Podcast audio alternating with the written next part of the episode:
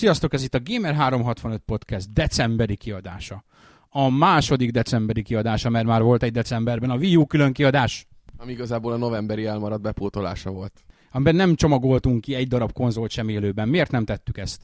Azért, mert a csomagolópapírnak az izegése így elfette volna. Ugyanis ilyen nagy ajándékcsomagban érkezett, és amikor így kibontottuk, akkor egyrészt a csomagolópapír is izeget, másrészt annyira mindenki hú, meg há, hogy így nem lehetett volna érteni belőle semmit. Harmadrészt meg Mert azt videóra kellett volna vennünk. És azért, hogy videóra vegyük, azért fizetni kell. Mármint nekünk. Nem! Ha egyszer videóra vesszük, akkor az annyira komoly, nagy jelentőséggel fog bírni, hogy fizetős letöltés formájában fogom kitenni az iTunes-ra. De ahhoz Oldernek valamit művelni kell, hogy az fizetős kategóriába essen. Így van, erről majd szavaztatunk is, hogy mit kell ahhoz csinálnunk, hogy fizessenek a videó podcastünkért. De ezt már egyszer megcsináltuk, nem? Azt a bizonyos videót, de akkor részegek voltunk, és azt beszéltük meg, hogy az nem történt meg, és nem beszélünk róla soha többet. Ja, hogy nem arra gond, nem arra a videóra gondolsz, elnézést. Tényleg volt valami szavazásunk, de az április 1 volt. És ez nem számít. Én komolyan gondolom. Valami ilyen olyan dolog, hogy akkor az értékkel bír, és akkor le lehet tölteni 100 forintért. Élő videóteszt, amint a WC-n próbáljuk, hogy tényleg elére a, a wifi hatósugar... Blö, szóval a Wii U gamepadnek a kontrollerébe Pazd meg. Szóval, szóval a Wii U kézben fogható tablet kontrollere eljut a WC-ig, és ezt élő teszt, videó, hang és illat és szag effektusokkal kísérjük majd, ehhez egy külön perifériát fejlesztenek, majd elviszik a háttérbe. Ez külön megvásárolható lesz majd, ez lesz a Gamer 365 ö, putpuri periféria USB-ről működtethető egyszer a WC-re visszük az USB kontrollert, utána a mezőre megyünk ki a PlayStation vitával, megnézzük, hogy napsütésben, ahhoz ilyen infrasugárzókat fogunk majd adni, opcionálisan megvásárolhatókat. Most így elképzeltem, hogy a Nintendo-nál is valami ilyesmi ötletek keringhetnek általában a, a faszcsipesz óta. Ja, ha befut az is, akkor azt majd egy ilyen 18-as karikával fogjuk majd tesztelni. Ja, de ezt egyébként se oda kell csippenteni. Hát hova? Ja, tényleg. Hát ez már kezdünk egyre mélyebbre és mélyebbre süllyedni a perifériák és a különböző fizetős feature-ök tekintetében, de azt hiszem, hogy lehetne még ennél is mélyebbre menni.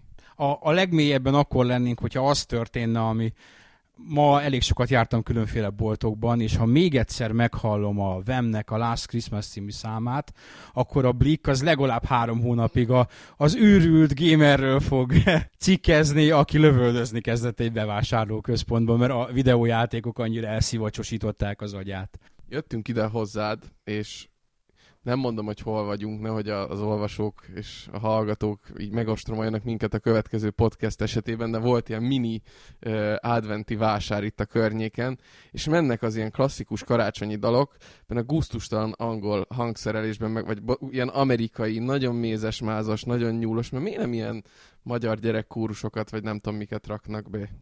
Tessék, még egy újabb periféria, ilyen nem kívánatos elemek törlése az utcáról, ehhez egy, szintén egy programot fejlesztünk, a Google-ben kijelöljük azt, hogy hova szeretnénk, egy nagy piros gomb jár hozzá, a nagy piros gomb ötlet mellé egy újabb nagy piros gomb, és akkor az a valóságban is ott leradírozza az életet, vagy a nem tudom mit, a, a nem kívánatos elemeket a térképről. Ez már nagyon ilyen mátrixi, Wachowski testvérek szintjére megyünk. Ez ilyen kubai rakétaválság megvalósulásának hangzik nekem. Call of Duty 365. A nagy piros gombbal az a baj, hogy ezt előtte. Peter Molinő, pedig mi találtuk ki először. Tehát a, mielőtt a Curiosity volt, az előtt nekünk volt a nagy piros gomb ötletünk, de, de nem löv, nem, mert hát ha még, hát ha még. Még azért látok benne potenciált a nagy piros gomba. De hát Peter is meg megbukott a Curiosity-vel. Nem is írtunk róla. Á, nyugati sajtóban azért így megjelent, hogy ő adott egy interjút, amit végigbőgött. Gyakorlatilag. Pedig az milyen szalag cím lett volna, hogy az ideg összeroppanás szélén Peter Molinő. Bőgve adott interjút Molinő. Miért bőg Molinő? Direkt azért nem írtunk róla, mert a méltóságát megtartottuk az úriembernek. Na, nem azért nem írtunk róla.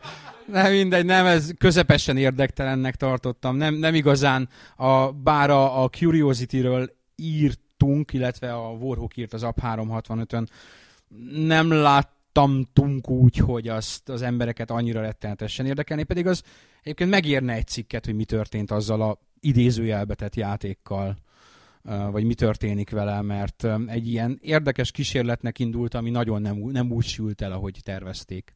Azok, akik nem tudnák, hogy mi ez a Curiosity, az egy ilyen mobil és, és Facebook app, és nem tudom hány oldalról megközelíthető, és hány platformról megközelíthető applikáció volt, amiben egy irgalmatlan nagy kockát pörgethettél, forgathattál, amiben így végtelenségig bezumolhattál, és így a csempéket egyesével leklikkelhetted, a, vagy letapiszhattad a kocka felületéről, és ha minden oldala lejött a kockának, akkor egy réteg megnyílt, és ez ugye több milliárd ilyen csempéből áll össze ez a kocka, és a végén, a közepén van valami nagy meglepetés, amit még mai napig nem tud senki, hogy mi az.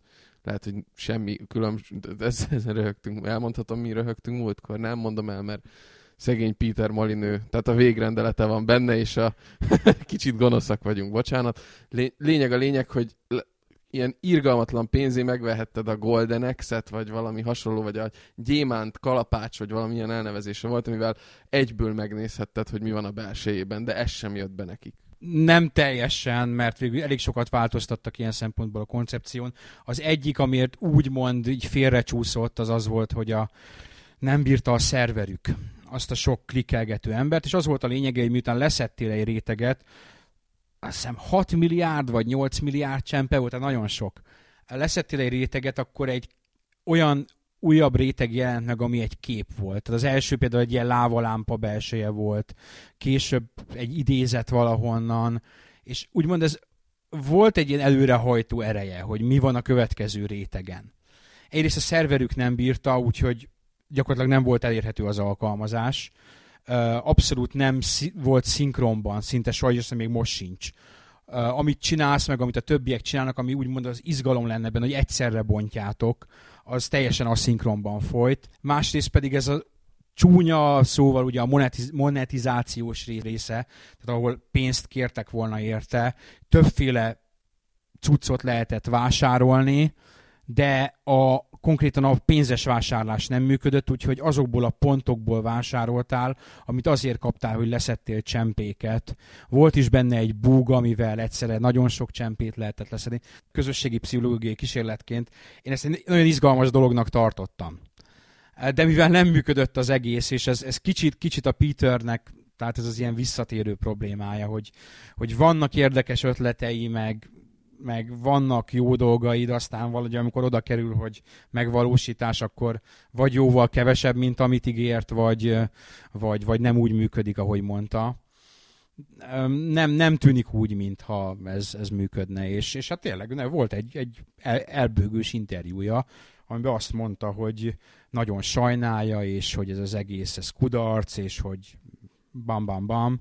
Kicsit sajnáltam is a a magam módján. Annyira azért rettenetesen nem, mert ő továbbra is azért egy gazdag ember, nincs, nincs, nincs, nincs miért sajnálni. Uh, ami érdekes, hogy uh, ugye szinte azonnal ugrottak a Kickstarterre egy uh, Godus nevezetű uh, játékkal, ami a, a régi nagy sikerének, a Populusnak egy fajta új verziója, egy ilyen istenjáték. És úgy tűnik, hogy az is bukik, mert hogy pár nap van hátra, és 450 ezer fontos a cél, és a felénél se tartottak még pár napja. Sőt, nem csak ez bukik, hanem épp most olvastam, hogy a Dizzy folytatás is valami töredéke, tizedét nem hozták be, mint amit eredetileg terveztek volna. És az, az, egyrészt mi is írtunk róla a Retroidban, és így többen fel is kapták rá a fejüket. Másrészt én nagyon kíváncsi lettem volna, hogy abból a, a kaland platformerből azért abban lett volna most potenciál szerintem, itt pláne az indiátékok és az ilyen letölthető címek korszakában. Ott nagyon jó kis tárgykombinálgatós dolgok voltak egy kis platforminggal megfűszerezve, és nem mellesleg nagyon kevés olyan jellegzetes mesefigura van mostanában, amit a videójátékok termelnek ki. A Dizzy az egy ilyen klasszikus meszkot lett volna, amihez így visszanyúlhattak volna, hát ha vissza tudták volna hozni mondjuk így a gyerekjátékok világába azt a figurát. Én, a szeret, én kiskoromban kifejezetten szerettem a Dizzy cuccokat, és egy, egy aranyos figurának tartottam a tojásembert is. Igen, aki kimaradt volna, mindenkinek ajánlom szíves figyelmébe a Vegánnak a Kickstarter cikkét, ami nagyon alaposan körüljárja a Kickstartert, mint jelenséget és, és az lehetséges jövőképeit, és amiről ő is ír részben, hogy, hogy, hogy ebben lehet, hogy lesz egy kifáradás, mintha már ennek a jelei mutatkoznának. Tehát az elején csak arról jöttek a hírek, hogy ezt, ez is túl teljesített, az is túl teljesített, az is, az is túl teljesített, és még mindig valami túl teljesít, és nagyon sokat hoz, de olyan projektek, mint például ez a Godus, amire azt mondanád, hogy ez egy Peter Molinő Isten játék, ami tényleg neki nagyon ment ez a stílus, az emberek nem. Nem nyitották meg a pénztárcájukat, néztem én is, hogy az ilyen a felsőbb, a, a, a sok pénzes hozzájárulásokból viszonylag még csak-csak, de ez a jellemzően ez a közép vonal, amiből a, a, a lényeg összejött volna, ott alig, alig volt adakoz, adakozó vagy hozzájáruló. 2012-nek egyébként ez a Kickstarter egy nagy újítása, de mivel pont, hogy ugye évek óta nem pörög ez a dolog, tehát olyan statisztikákat és olyan ö, fantasztikus gazdasági elemzéseket, mint amit egyesek vártak volna attól a cikktől, még igazán nem is lehet végrehajtani, mert nem, nem elég idős ehhez a, a maga a jelenség, viszont érdekes dolog, hogy nem biztos, hogy a kifulladása lehet, hogy csak arról van szó, hogy, hogy amit most novemberben elindítasz egy olyan projektet, ami hiába hangzik nagyon jól, de novemberben már az ember a karácsonyra tesz félre, már kézzelfogható dolgokra költ, már nem biztos, hogy ott vannak, a, ha, ha digitális disztribúcióba teszi a pénzét, akkor ott vannak a brutális szélek, már most ugye hetek óta vagy napok óta megy, Steamen is volt szél, lesz is még szél, Gogon mindenfelé olyan leárazások vannak, hogy, hogy filléreké veszel bármit, és tényleg be is vásárolsz belőle, viszont már pénzkiadás, tehát nem biztos, hogy most akarnak az emberek a Kickstarterre költeni. Érdekes egyébként ebben a Kickstarter dologban, hogy már elkezdtek a követők is megjelenni már, mint más hasonló jellegű oldalak, és mindenhol próbálják magukat megkülönböztetni, meg azt súlykolni, hogy, hogy mi mások vagyunk, de, de ezek se jönnek be egyelőre, tehát tehát oké, okay, ez a Kickstarter megvan, de azért ez ilyen mini iparággel még nem, nem növik ki magát azért. Meg nem mondom, hogy mi a nevük, de azt hiszem két darab magyar is van. És nem most indultak ők is a... A Kickstarter sem most lett felkapott, Kickstarter van egy ideje, de vannak, vagy voltak magyar próbálkozások, és ugye azért persze mi mindig videójáték kapcsán beszélünk róla, de a Kickstarter nem van videójátékokról szól. Tehát ott aztán van minden, amit el tudsz képzelni. Iszonyatos mennyiségű mindenféle. Egy pillanatra felmerült bennem, hogy a következő gamer verziót is felteszem. Egész jól haladnak a srácok, legalábbis amiket így legutóbb láttam tök jó fog kinézni az új gamer. Csak lenne már kész. Ja, ja, ja, ja, ja, ja. Februárban pár embert be fogunk hívni egy úgymond zárt bétába, ami így ilyen meghívásos alapon lesz, ezt nem is nagyon fogjuk meghirdetni, és március első felében lesz belőle egy teljesen publikus kipróbálható verzió, amikor már így, így a végleges, közeli verziót próbáljuk a nagy közönség elé tárni. És ebből már sejtetitek is, hogy azért nem raktuk fel a Kickstarterre, mert a VIP bétával fogjuk finanszírozni a fejlesztést. Így van, így van, így van. Rettentes pénzeket fogunk ezzel behúzni. Lalam, kicsit aktuálisabb vizekre vezve. Mi volt az elmúlt egy-két-három hétben, mert ugye most egy viszonylag kevés idő telt el a, az előzőhöz képest, mert nekünk most itt ilyen december közepe van, nektek már nem, de mivel közelednek az ünnepek, amit jelez az, hogy hárman vagyunk, azért egy, egyen legalább többen szoktunk lenni. Igen, ez is azt mondja, hogy az ut- utóbbi pár hétben mindenkinek munka, munka, munka, és, és élet, és life, és egyébként videójáték is persze természetesen volt, de ez a gameren is látszódott, azért sok tesztünk volt így az utóbbi, utóbbi decemberben, itt tényleg most volt egy-két olyan hét, ahol itt folyamatosan mentek kifelé a cikkek, hál' Istennek. És ezzel át is ugorunk az aktualitásra, attól függ, hogy jó magyarosan mondod, hogy VGA, vagy, vagy jó amerikaiasan, hogy VGA. Ez a Video Game Awards, a Spike Video Game awards ahol um, most már hagyományosnak mondható módon voltak új játék bejelentések, még néha nem is konkrétan, de volt egy darab kvázi meglepetés, ami a Dark Souls 2 volt, és ami hatalmas vitákat váltott ki. Legalábbis nálunk mindenképpen, mert két róla szóló hírt is a bűvös 200-as kommentszám fölé lökött, ami azt jelenti, hogy az embereket érdekli, izgatja az a játék, illetve a folytatása, és szívesen vitáznak arról, hogy hogy könnyebb lesz a játék, vagy sem, és ha könnyebb lesz, akkor elveszik, az, elveszik a játék eszenciája, vagy sem. Mert hogy az egész abból indult, hogy az Edge magazin előzetesének az előzetesében azt lehetett olvasni, hogy egyrészt, hogy új, új ö, direktorok lesznek, a, a, új direktorai lesznek a játéknak, másrészt, hogy valamelyest elérhetőbbé, érthetőbbé Nyilván ez egy ilyen japán fordítás esetében ez, ez mindig kicsit félre szokott siklani, tehát még nem egyértelmű, hogy, hogy pontosan mire is lehet számítani, hogy, hogy miben lesz más ez a Dark Souls 2, de már, már megindultak a félelmek azok, azokban, akik az első részt szerették, hogy így elrontják az ő kedvenc játékukat.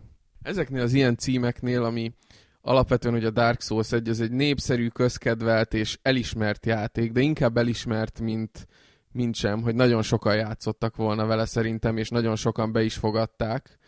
Viszont ez, a, ez, a, ez az általános elismertség, ez nem feltét, vagy nem feltétlen jelenti azt, hogy, hogy egészségesen állnak az emberek ezekhez a dolgokhoz. A, az ilyen szűkrétegeknek szóló játékok, szűkrétegeknek szóló és elismert dolgok általában mindig valami elitizmust hoznak ki az emberekből, és egy picit az elitizmus azért visszatükröződik így a globális reakciókban is erre a, a Dark Souls 2 bejelentésekre, vagy hát ezekre a hírmorzsákra, hogy ugye könnyebb lesz, meg áramvonalasítják, meg egy kicsit befogadhatóbbá akarják tenni.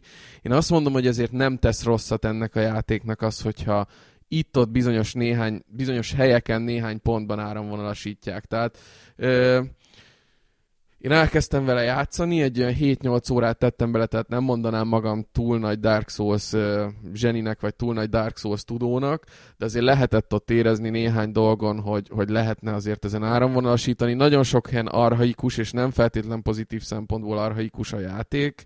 A nehézségét azt, azt abszolút értem, hogy abban van a mechanikája, de de sokszor annyira elengedi a kezet, hogy, hogy, hogy sokat kell vele szívni, amíg rájössz, hogy, hogy mi merre hány lépés.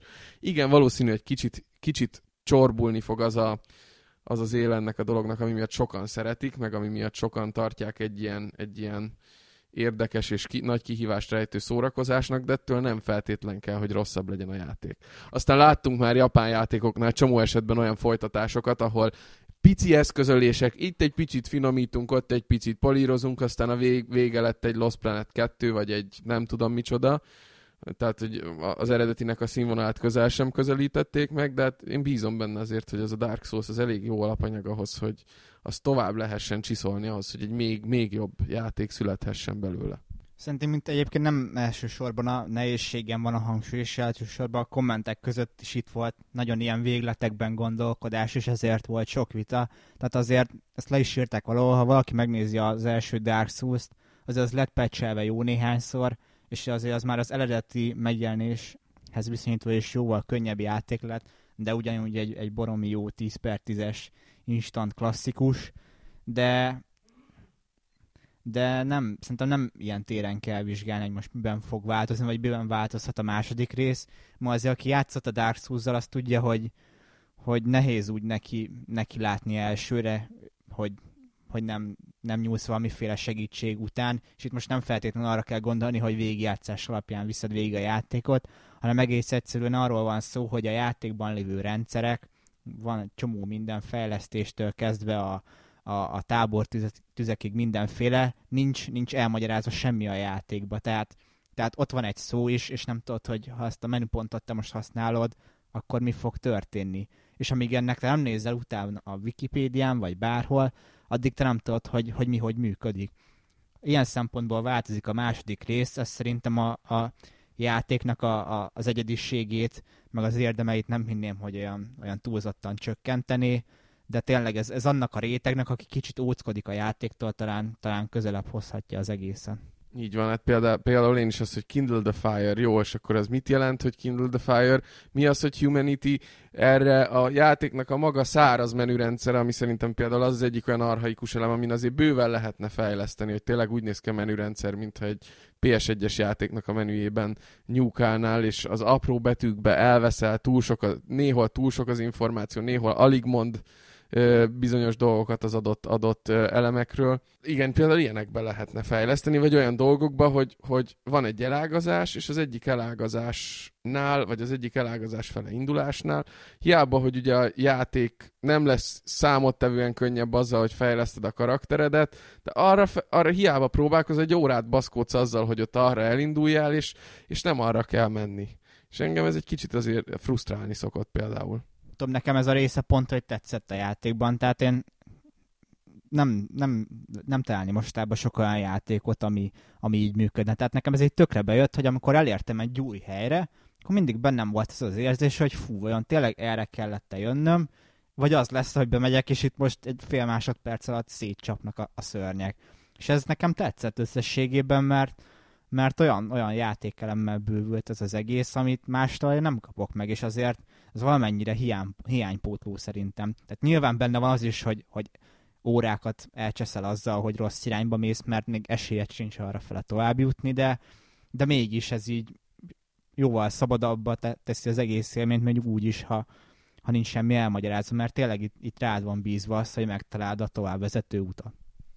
Jó, de ez egy idő után, tehát ez már mondjuk szerintem 4-5 óra után, még nagyon az elején jársz, de kezdesz ebbe a dologba beletanulni, és kezded érezni azt, hogy ez az elágazás, merre megyek, erre megyek, arra megyek dolog, ez hol fog működni, vagy hol látod már mindjárt az elején, hogy az esélytelen, de amíg erre rá nem jössz, az is egy ilyen, ilyen kicsit nyögvenyelős betanulás, hogyha ezt egy picit meg sorjátlanítják, egy picit megpolírozzák, azért ezzel lehet, lehet a játékélményt, vagy hát az, a hozzáférhetőséget, accessibility-t javítani.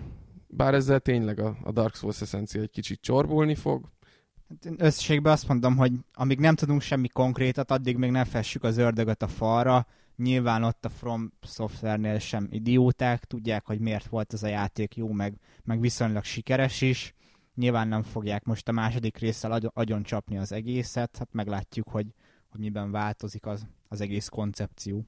A, a nagy félelem, amit én többször olvastam, hogy belekerül az easy mód, olyan nem lesz. Lévén, hogy az a játék az easy módban az nem működik. Ezt egyébként úgy látom, hogy sokan nem értették meg. Lenne egy olyan easy mód, hogy bemész és csapsz és meghal, akkor annak a játéknak vége. Igen, mert ha, ha így ilyen szempontból vizsgáljuk, hogy te, tegyük fel mondjuk, hogy ez egy hack and slash milyen lenne, mert hogy ez easy mód, az kb. így néz neki, akkor minden élvezet veszne a játékból, mert teljesen primitív valamivé lényegülne át az egész. A másik meg, amit egyébként le is írtak sokan, hogy, hogy nagyon fontos azért, hogy van egy ilyen PvP része is ennek a Dark Souls-nak, tehát a játékosok azok be tudnak lépni mások játékába, és össze tudnak csapni. Már most, ha itt nehézségi szintbeli különbségek vannak, azért az, az a balanszolatlanság irányába terelni az egészet. Jó, nyilván lehetne mindenféle megoldást kitalálni erre, de azért, azért még mindig egyszerűbb az, hogy ezt a nehézségi szint dolgot elfelejtjük. Már csak azért is, mert a játéknak tényleg annyi, a játékban annyi lehetőség van arra, hogy megkönnyítsd a saját dolgodat, hogy, hogy szerintem fölösleges erre külön nehézségi fokozatot beiktatni. És egyébként kezd visszajönni ez a, a nehézséget játékmechanikaként használó megközelítés. Tehát nem a Dark Souls az utóbbi egy évből a, az egyetlen példa erre. Ugye e, idén a letölthető címek között ott volt a Spelunky, ami szintén a nehézségével operált, és amit így korábban így fél mondatban megemlítettem, és amiről amikor ti ezt halljátok, már olvashattátok a tesztet, és talán sokan, na, sokaknak elsőre elkerekedett a szeme a screenshotok és a jobb oldalon található 10 pontos pontszám látszólagos ellentétén, um, ami szintén a nehézségében vagy a hibázási lehetőségében kiméletlen. Egy egyetlen hibá és meghalsz. Tehát nincs, nincs hiba elkövetésére lehetőség abban a játékban. Ennek ellenére az a játék is többek között erre építi magát, és, és ezért jó. Ha annak lenne easy módja, akkor az a játék felborulna. Ahogy a Dark Souls is. Hogy ott a másik ilyen az nem annyira logikai, inkább ügyességi és szemkész koordinációt igénylő cucca. Super Hexagon, ami megjelent PC-re, ami ott kezdi, hogy hard, hardest, hardest test, és így, így fokozza tovább a, a nehézségi dolgokat, vagy a nehézségi szinteket. Az is egy bődületesen nehéz cucc, de játszol vele másfél órát, és mivel másfél órán eljutsz a negyedik, ötödik nehézségi szintig, és visszakapcsolod az első pályát, a hard pályát, akkor így, így, úristen, ez volt a nehéz. Igen, az elején nagyon nehéz volt, az első fél órában vért izzadtál, hogy, hogy 10 másodpercen tovább jussz. Nem tudom, a Super Hexagonról is volt egy tesztünk egyébként, tehát nem akarok nagyon belemenni. De talán a, még egy kicsit visszamenve, a Super Meat Boy volt talán az első, ami így egy másfél éve vagy két éve talán elindította azt, hogy igen, ezekben a játékokban lehet nehézséget, és kell is nehézséget tenni, lehet erre fölépíteni a, a játékmenetet. A Super Meat Boy az egy platformernek tűprecíz platformer, de halál unalmas lenne, hogyha nem arra lenne kihegyezve, hogy precízen kell, pixel precízen kell benne végigcsinálni mindent.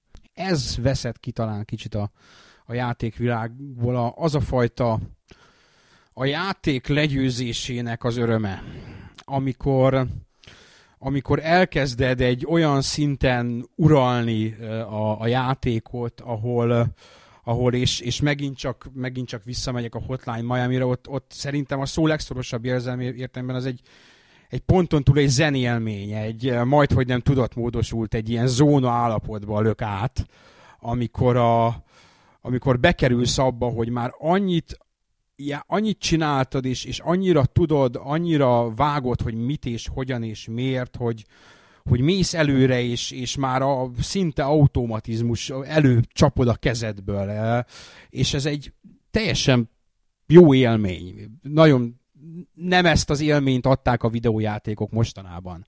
Tehát a, a népszerű videójátékok nem erre az élményre mennek rá.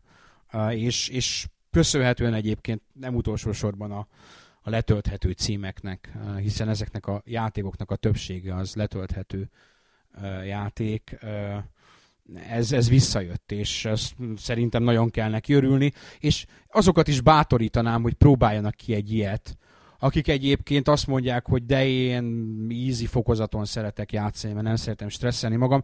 Ezek általában nem stresszelős játékok, tehát nem frusztráló, nem, nem úgy vannak megcsinálva, hogy széttöröd a kontroller, persze ilyen is adódhat, hogy széttöröd a kontroller, de, de nem erről szólnak nem a lófaszt nem, ja, jó nem. Hát, de, de, de fruszt, frusztrálóak, de az az érzés, amit a végén kapsz, az lesz az olyan feszültségoldás, amit egyébként attól nem kapnál meg, hogy ülsz, és akkor így végignézed a filmet, vagy néha nyomsz két gombot, vagy néha idelősz, odalősz a sínlövöldébe. Tehát az a feszültségoldás, az azáltal jön el, hogy hogy egy kis kihívást adsz még magad, egy kellemes, egy más jellegű kihívást, mint amiben egész nap benne vagy, és a végén, végén ahogy elkezded uralni, az okozza azt a, azt a pluszt, az adja neked azt, a, azt az érzést, hogy te most alkottál valamit, vagy föloldottál magadban egy görcsöt, vagy egy ilyen feszültség gombóc így szétterült a lelkedben, jaj, de szépen fogalmaztam. Egyfajta ejakuláció ez. De, de, de, ezzel a párhuzammal akartál élni, csak megvártad, hogy én mondom ki. Nem, olyan szempontból egyetértek, hogy igen, nyilván vannak benne olyan pontok, amikor azt mondod, hogy a kurva anyját, most már tényleg. De én azt mondom, hogy ezek a, a konkrét játék élményükben, a, a percről percre élményükben általában vannak annyira jók, hogy nem for fel tőle az agyvized, és nem ugrasz neki a monitornak én, én azokat a játékokat nem szeretem, ami, amik ilyenek is, hogy, hogy föl bassz a szó legszorosabb értelmében, és, és értelmetlennek látom, amit csinálnak. Itt, itt ezért jók, hát nem mindegyik, az általunk felsoroltak, hogy azért mindig juttat annyi kis sikerélményhez, a nagy sikerélményhez vezető úton, hogy tovább csinálod. És hát ugye tovább is csináltad, meg nem, nem hagytad ott, nem azért mentél neki, hogy mert csak azért is, hanem mert élvezted alapvetően, amit csinálsz. Önnyi. Mi volt a, a másik végiás újdonság? Félkarú ember, nyesz, nyeszlek, nyeklik, nyígik a földön, aztán szétlőnek körülötte mindenkit, mert jön a tűzsárkány. Igen, ami neked nem tetszett. Ami a Mo- Moby Dick stúdió, hogy hívták. Sajnos a, a nevet nem jegyeztem meg. Christoph Gustafsson, nem tudom már a Hideo Kojimát visszafordítani svédre, de a lényeg, hogy anagramma volt, és ha átrakosgattad a betű, betűket, akkor az Hideo Kojima volt. Um, Phantom Pain a játék címe, ami nyilván nem ez a címe. Sokan mondták azt akkor, hogy ez a Metal Gear Solid 5, aztán voltak olyan vélemények, hogy ez tulajdonképpen ez a Ground Zeroes megint csak. Tehát így sok mindent lehetett róla olvasni, hallani. A Metal Gear Solid 5 az alapvetően onnan jött, hogy ha megnézitek a, a logóját a játéknak, az amikor kijön, akkor ilyen kis vonalak láthatóak a betűk mögött. És az arra gyönyörűen ráilleszkedik a Metal Gear Solid római 5 felirat. De tényleg tű pontos, pontossággal egy ugyanolyan betűtípussal, és igazából ebből jött az egész, hogy hát akkor ez Metal Gear Solid 5, vagy Metal Gear Solid Vita. Biztos, hogy nem vita, hát ez nem vita látvány volt. Nem, miért nem tetszett, Macek? Mondjad. Ne, hát itt az elején, vagy hát itt podcast előtt kicsit vitatkoztunk, és talán be is kommenteltem ott az adott hírnél, hogy azzal kezdődik, hogy így megnézi a kész csonkját, utána egy 10-15 másodpercig azt látom, hogy egy, egy ilyen csonkolt, félmeztelen katona alig bír felállni, megy előre, láthatólag, láthatóan szenved, és utána test közelből látom azt, hogy előttem, meg mögöttem, vagy hát a katona előtt, meg mögött, így lelőnek mindenkit. Még kell nekem azt megtapasztalni, hogy milyen egy tömegmészárlás test közelből. Már úgy test közelből, hogy körülöttem, mert ugye jó kodba, meg a nem tudom miben már szétlőttük a repteret, meg a mindent, de, de még kell nekem egy sortűz közepére oda képzelnem magam. Azért, mert ez egy újfajta élmény, amit mondtam is neked, hogy ilyet videójátékban még nem láttál. Vagy nem tapasztaltál, az a, olyat láttál, hogy lőnek rád és visszalősz, de a tehetetlenségnek, és az azért kellett előtte az a jelenet, hogy bemutassa, hogy ez egy, egy kripli, egy tehetetlen ember, aki ki van szolgáltatva annak a másik embernek, akivel megy, illetve a körülményeinek, és bekerül egy ilyen szituációba, amikor lőnek rá, és jobbra-balra hullanak az emberek. Szerintem abszolút fantasztikus volt, azt kell, hogy mondjam. Történelmi ismeretében én sem személyesen, sem virtuálisan nem vágyom arra, hogy ilyen, ilyen közegbe egyáltalán oda képzeljem magam, vagy egy picit is átérezzem azt, hogy ez milyen. Jó, persze, hát nyilván történelmileg látni kell, meg, meg el kell lát, be kell ismerni, hogy vannak ilyen dolgok, és ezt, ezt végig kell gondolni, hogy ilyenekre képes az ember, de nem akarom átélni személyesen, sem, sem virtuálisan. Nem akarok az összeesküvések szintjére lemenni, de, de egy kicsit olyan sok volt nekem, kész. Nem tudom, én, én úgy vagyok az egész mint Liquid, tehát nekem is azért tetszett ez az egész, mert tényleg ilyen teljesen újszerű élmény volt. Egyébként is ilyen trélerek szempontjából mostanában nem nagyon volt olyan, amire azt mondhattad volna, hogy na, ez, ez valami, meg ez olyasmit mutat, amit, meg olyasmit sugol, amit nem nagyon láttunk még, de ez tényleg nagyon, nagyon jól össze volt rakva ez a tréler mindenféle szempontból, főleg, hogy ez a végén, a, ami nem sárkány, hanem bána előúrik és bekapja a helikoptert, tehát ez ilyen teljesen szürreális befejezése volt az egésznek, úgyhogy hát Kojima. Igen, én leginkább azért örültem neki, mert, mert nem az volt, amire egy Metal Gear Solid 5 teaser től számítottál. Tehát ha valaki azt mondja nekem, hogy kérlek, írd le, hogy milyen lesz az MGS5 első tízere vagy téler, akkor összerakok valamit az eddigi MGS télerekből, és azt mondom, hogy ilyen, meg olyan, meg amolyan. Biztos, hogy nem ezt mondtam volna eg- teljesen szokatlan volt, és beszéltünk már róla talán korábban, hogy, hogy nehéz lesz ötödik részt csinálni sok szempontból, mert hogy ott lezárult valami a negyedikkel, és már annyit big bosszoztak, hogy már sokat, és hogy innen hogyan lépnek tovább. Az érdekes lesz, és legalábbis biztató olyan szempontból, hogy nem azt fogják csinálni, amit eddig csináltak. Úgy tűnik. Igen, ez a része nekem is nagyon bejött, tehát én imádom a Metal Gear Solidot, meg oda-vissza vagyok érte, de egyre kevésbé tudott megmozgatni az egész franchise így az évek múltával, főleg, hogy ezt a Big Boss-os vonalat is, ahogy elkezdték mélyíteni, az engem különösebben nem fogott meg soha. De ez a trailer tényleg teljesen másmilyen játékot sugalt. Mindezt úgy, hogy azért megnézted, hogy mik voltak abba, azért már ott kikockázták, hogy ilyen Volgin, meg, meg Phantom Mantis, meg ilyesmik bukkanhattak fel talán benne, tehát azért a kapcsolat az így, így látszott, de mégis egy teljesen másmilyen élmény volt, mint amit eddig Metal Gear Solid címszó alatt láthattunk. Még a, még a Ground Zeroes tükrében is, ami azért szintén kicsit újszerűnek hatott. Az ilyen sokkoló élményekről pedig annyit, hogy lesz évvégi szokásos szerkesztői kedvenc játékok listánk, és ott ugye általában azt szoktuk csinálni, hogy ötöt felsorolunk, nem feltétlenül Game of the Year, nem szoktuk azt kimondani, hogy kinek melyik volt a kedvenc játéka. Nekem évek óta először lesz egy kedvenc játékom, amire rá, rá fogom mondani, hogy ő, az ott. Most a Hotline Miami-val kicsit megingolt, de ennek ellenére rá fogok mutatni, hogy az volt a ezévi kedvenc játékom, és az sem mondható egy habos, vicces, romantikus történetnek. Szerintem akkor egyezni fog a kedvenc játékunk, de egyébként nekem is tavaly nem volt olyan cím, amire rámondtam volna, de most ez tényleg olyan, hogy hű. Azért ez, ez nem mindennapi volt, és én egyébként sajnálom azokat, akik ezt így nem élhették át, mert ez tényleg ez, ez ezer százalék, hogy ez egy ilyen egyszerű dolog lesz, és ezt, ezt hasonló formában megismételni nem nagyon lehet majd, mert ez egy olyan idézőjeles poén az egész játék, mint jelenség, hogy ha azt ott ellövik neked, vagy, vagy bármi hasonló, akkor már egyből nem ugyanaz az egész.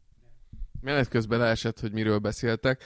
Nekem a saját példányom ott van bontatlanul a PlayStation 3 dobozában, úgyhogy még mielőtt kijön ez az írás, lehet, hogy én is. Vagy még mielőtt összeszedjük a saját ötleteinket, én is nekiesek. Nem is hosszú játék annyira. Úgyhogy szerintem lehet, hogy most hétvégén, már most, hogy lazulnak a dolgaim, le is küzdöm. Kellemes ilyen karácsony esti szórakozás. Aj, aj, ajánlom. Na, a karácsonyi hangulattal itt tökéletesen egybevág, úgy a kis csilingelő, száncsengő és mellé a, ez a játék. Amit majd bár úgyis kitalálják addigra, hogy mi az, de ha nem, akkor meg ott lesz a listán. Év vége van, kicsit, kicsit beszéljünk arról, hogy milyen volt 2012 azon kívül, hogy hogy hogy szar volt, mondja Macka. Nem, kicsit egyetértek.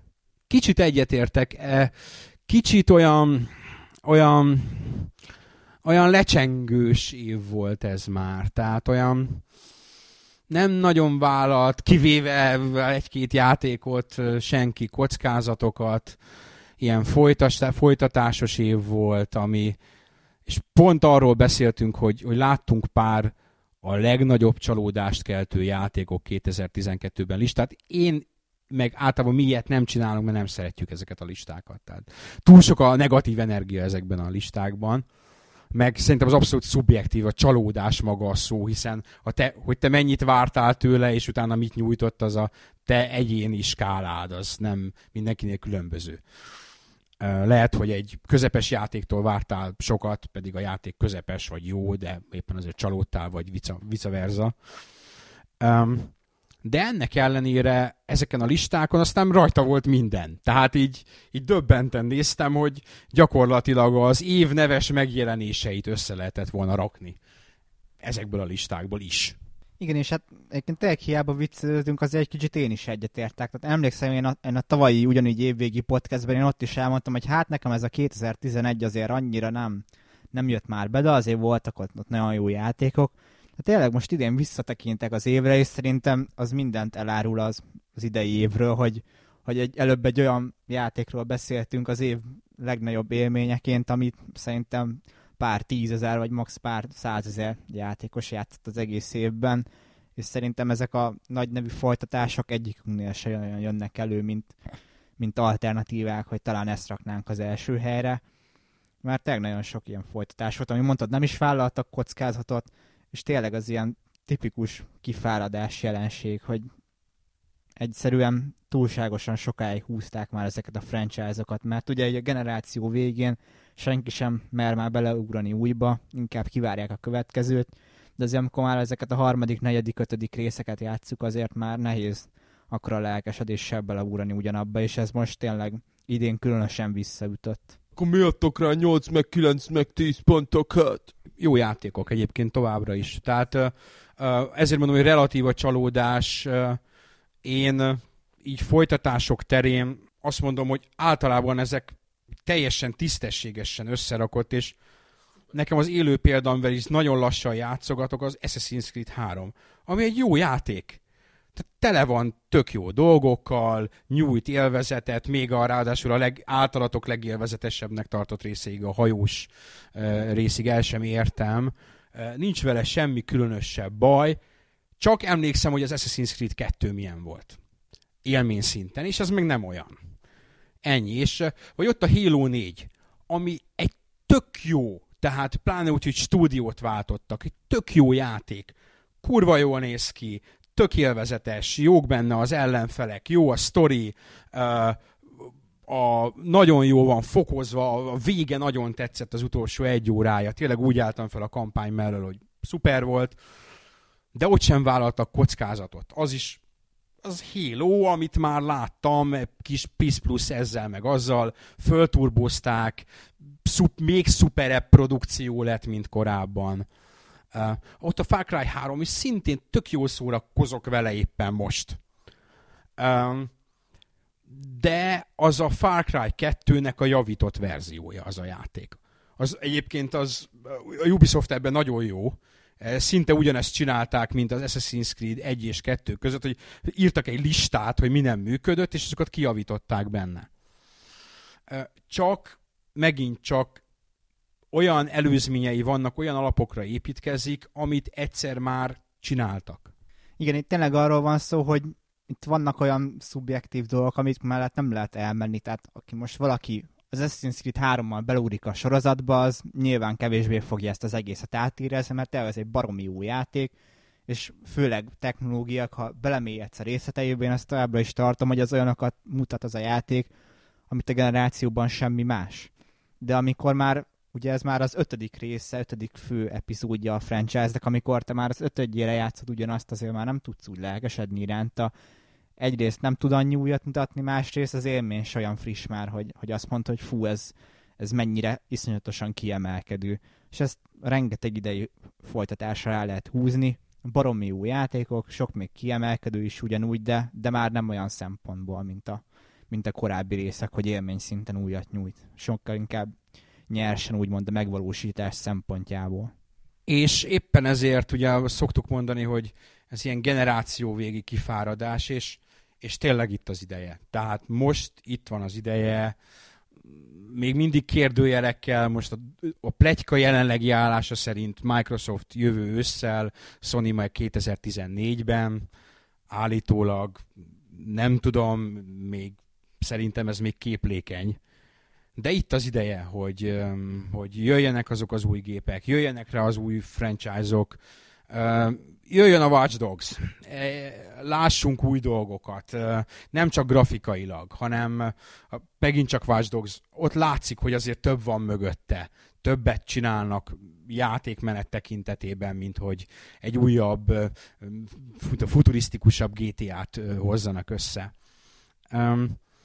És, ez, és sokan kételkednek el, mindig azt azt hallom vissza, vagy azt olvasom vissza, hogy persze, mert majd grafikailag fejlődik, és ugyanez lesz, és ez, ez, ez mindig megcáfolja a realitás ezeket a félelmeket, mert én, nem volt olyan messze, vagy nincs olyan messze azért még a, az előző generációváltás, a 2005-ös, 2006-os generációváltás, és aki akkor fórumozott, vagy jobban benne volt ebben a témában, szinte ugyanezt lehetett hallani. Hogy a Xbox másfél, meg Playstation kettő és fél, és hát majd szebbek lesznek, meg az, hogy csillogóbb, és, és pár ilyen nyitójátékra ez lehet, hogy igaz is, amik még valójában előző generációs játékok egy kis next gen mázzal.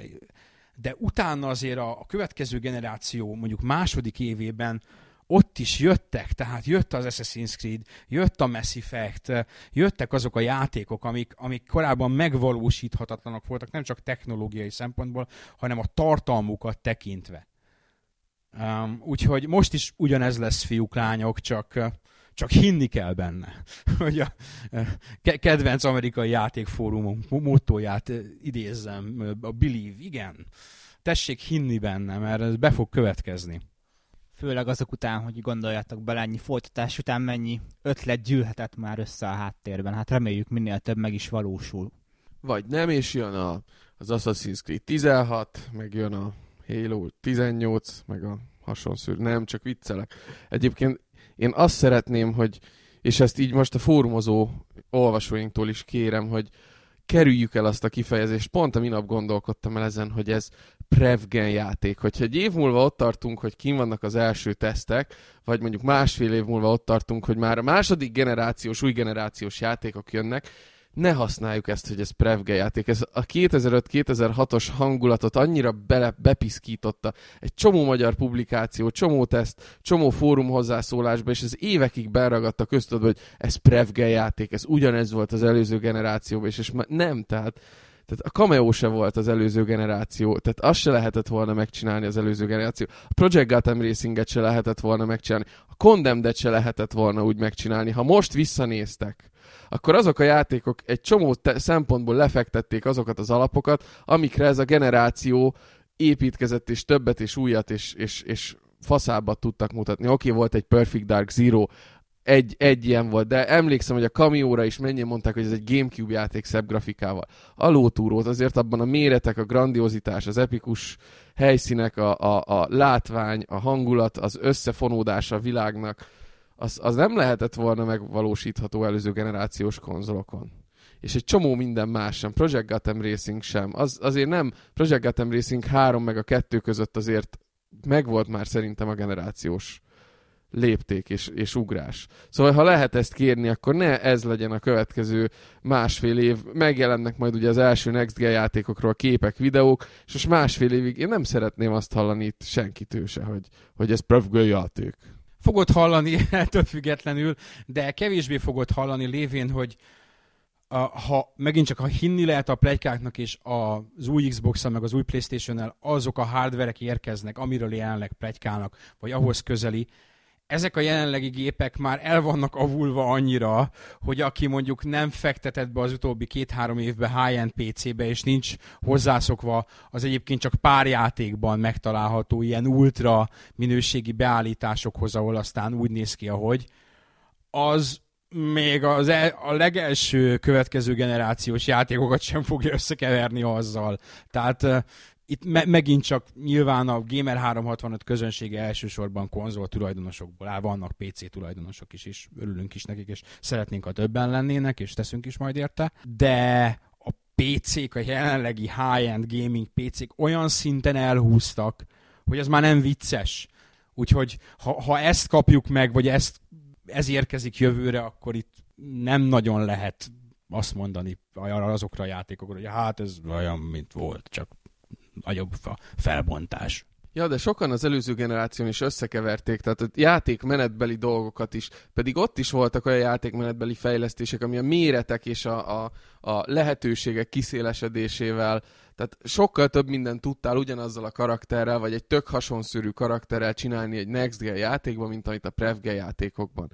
Gondolok arra, hogy 2004-ben milyenek voltak a platformerek, és 2000 2008-ban milyenek voltak a, a platformok. Pont rossz példát mondtam, mert az a műfaj pont akkor halt meg. De ott van az Epic Mickey 2 is, ami egyébként grafikailag lehet, hogy, hogy a PS2-es színvonal jobb korszakát idézi, de tennivalók és lehetőségek terén fejlesztői hozzáállás terén érződik az a, az a 6-7 év, és ez nem egy 2002-es játék. Tehát a 2002-es platformerek nem voltak annyira összetettek, mint az Epic Mickey 2. Az Epic Mickey 2-ben például szuper sok minden bele van zsúfolva. 2002-ben nem volt jellemző az, hogy szuper sok mindent zsúfoljanak bele. És a következő generációban megint még egy csomó mindent bele fognak zsúfolni ezekbe a játékokba. Persze az autóverseny az ugyanúgy autóverseny marad, a platformjáték ugyanúgy platformjáték marad, és az FPS-ben is ugyanúgy egy fegyver fegyvert fogsz látni. De figyeljétek meg, hogy sokkal több lehetőség, sokkal több apró részlet lesz benne, és mindig ettől izgalmas a generációváltás, hogy ez a, ezek a lehetőségek és apróságok kiszélesítik a látószöget, mint ha új szemüveget vennél föl, vagy mintha, nem tudom, egy új tévét vennél, HD tévét vennél. Szerintem nézd, lesz ilyen is, olyan is. Tehát én azt mondom, hogy, hogy most már kíváncsi vagyok, hogy például a jövőre a Ubisoft mit csinál az Assassin's Creed-del. Dregnek volt egy olyan jóslata, hogy jön ebből egy, minek nevezted, milyen editionnek? Valami, valami nevet ragasztottál rá. Tudom, valami Definitive Edition, vagy és mert, mert egyébként a, aki játszott a harmadik része, azért tudja, hogy oké, okay, hogy az úgy néz ki, ahogy, de azért érzed, hogy, hogy, hogy csikorog alatta, vagy szenved alatta a konzol, mert hogy azt épp, hogy a utolsó apró erőfeszítéseivel tudja már csak kipakolni magából az, az 1000 százalék, és szerintem feg úgy, hogy ugye a Assassin's Creed az a új motoron fut, az Envil Next-en, azért én, én erősen sejtem azt, hogy, hogy ez egy hasonlóan, mint a Frostbite egy, egy pöccintéssel, vagy, vagy hasonló módon át, át lehet változtatni a játékot egy kvázi következő generációsá, és én egyébként személy szerint nem lepődnék meg, ha, ha a VV Assassin's Creed játék az a Assassin's Creed 3 lenne újból, bár vannak olyan pletykák, illetve fejlemények, amik ezzel ellentétes dolgokat mondanak, de hát ez már egy másik dolog. Mackó, te játszottál a PC-sel, az mennyivel néz ki jobban?